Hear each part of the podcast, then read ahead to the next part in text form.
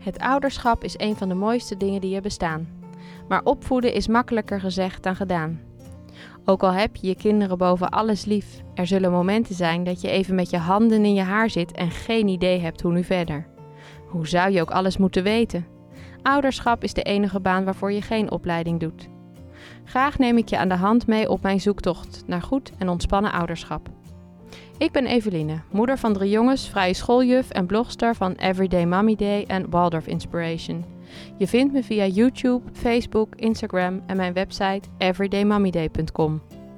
Je luistert naar mijn podcastserie over bewust en eerlijk ouderschap. Verbale opvoeding in de eerste kinderjaren. Is het je wel eens opgevallen dat wij ouders met jonge kinderen vaak lijden aan een soort uitlegdrift? Mij wel. En ja, ik doe het ook. In deze podcast zal ik proberen uit te leggen waarom een kind de wereld eerst mag grijpen voordat het de wereld kan begrijpen. Bij ons thuis merken we dat we met onze jonge, veelvragende kinderen de neiging hebben veel uitleg te geven op de alsmaar komende vragen. We willen onze kinderen ook niet voor dom houden, maar vaak zitten mijn man en ik in de avond op de bank en bespreken we in hoeverre het nou echt nodig was om uit te leggen hoe de motor van onze auto nou precies werkt. En waarom de zon een vuurbol is die onze huid kan verbranden. En luister maar om je heen. Een eenjarige krijgt al uitgelegd hoe zijn blokkendoos functioneert. Een tweejarige weet al alles over boomsoorten. Een driejarige leert wat biologische voeding is. Een vierjarige krijgt op school te horen dat de aarde rond is. En een vijfjarige weet al dat de maan niet schijnt, maar het licht van de zon reflecteert. Zou er een kans bestaan dat we onze jonge kinderen gewoon te veel uit willen leggen? Ik denk eerlijk gezegd van wel. En ja, eerlijk is eerlijk, veel ouders met mij lijden een beetje aan dit diepgewortelde uitlegsyndroom. In welke wereld leeft het kleine kind eigenlijk? Leeft het in die wereld waarin het alles uitgelegd wil krijgen, zodat het via de woorden zeeën en het verstand kan leren? Of leeft het in een zintuigelijke wereld waar het door de ervaringen wil leren? Kijk eens naar een pasgeboren baby. Het kleintje in je armen leert niet door wat je zegt. Het leert door de ervaringen, door de ontwikkelingen van zijn lichaam en door de intentie achter onze woorden en handelingen. Niet veel anders is het bij een peuter.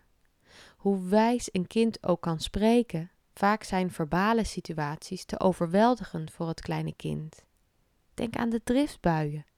Die zijn de uiting voor emotioneel en cognitief onvermogen. Praten en overtuigen met veel verstand werkt daarbij averechts. Boeiend is om te kijken wat er gebeurt in de waarom-fase. Veel ouders willen de vragende kinderen uitgebreide antwoorden geven. De meeste kinderen echter zitten daar helemaal niet op te wachten en beginnen te draaien of luisteren tot frustratie van de ouders maar met een half oor. Meestal is de vraag slechts een toenadering. Een kort antwoord is voldoende, want het kind is gezien en daar ging het uiteindelijk om. Zelfs in de kleuterklas leren kinderen nog het beste door het vrije spel, de ervaringen en het nabootsen. Niet dat wat je zegt, maar dat wat je doet, laat het kind groeien. Het kind kan zich aan de hand van jouw voorbeeld ontwikkelen. Alle goede bedoelingen terzijde, want eigenlijk kunnen we vaststellen dat het kleine kind nog niet via het intellect leert. Het enige wat het kind van onze woordenovervloed leert, is zelf te praten. Praten en te praten. En praten is vaak van bovenaf en inactief. Het is goed onszelf er bewust van te zijn dat die houding ons voorbeeld is. Als je vanuit antroposofisch oogpunt kijkt naar de ontwikkeling van de mens, dan is er telkens een zevenjaarscyclus waarin de mens zich op een bepaald vlak versterkt ontwikkelt van kleinkind naar schoolkind, puber, volwassene en zo door tot het einde van het leven. In die eerste ongeveer zeven jaar is het kleine kind vooral bezig met het voltooien van het fysieke lichaam. Na negen maanden intensieve fysieke vorming in de baarmoeder groeit het kind buiten het lichaam van zijn mama intensief fysiek door. Alle energie gaat in die eerste jaren naar het lijfelijke groot worden. Het behouden van de lichaamstemperatuur, het verteren van vast voedsel, het leren lopen, de fysieke grenzen, klimmen. Allemaal processen die het lichaam onbewust en al nabootsend leert. Een optimaal ontwikkeld zenuwstelsel heb je nodig als basis voor intellectuele vaardigheden.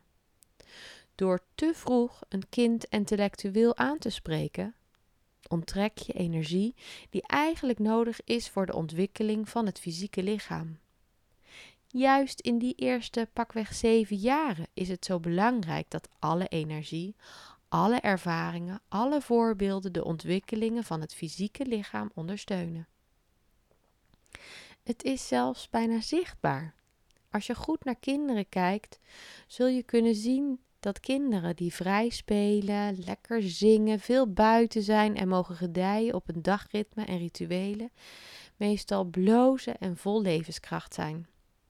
Het kind dat te veel stil zit, te veel tv kijkt, heel veel weet, maar in de praktijk vaak veel dingen niet kan, die zie je helaas ook.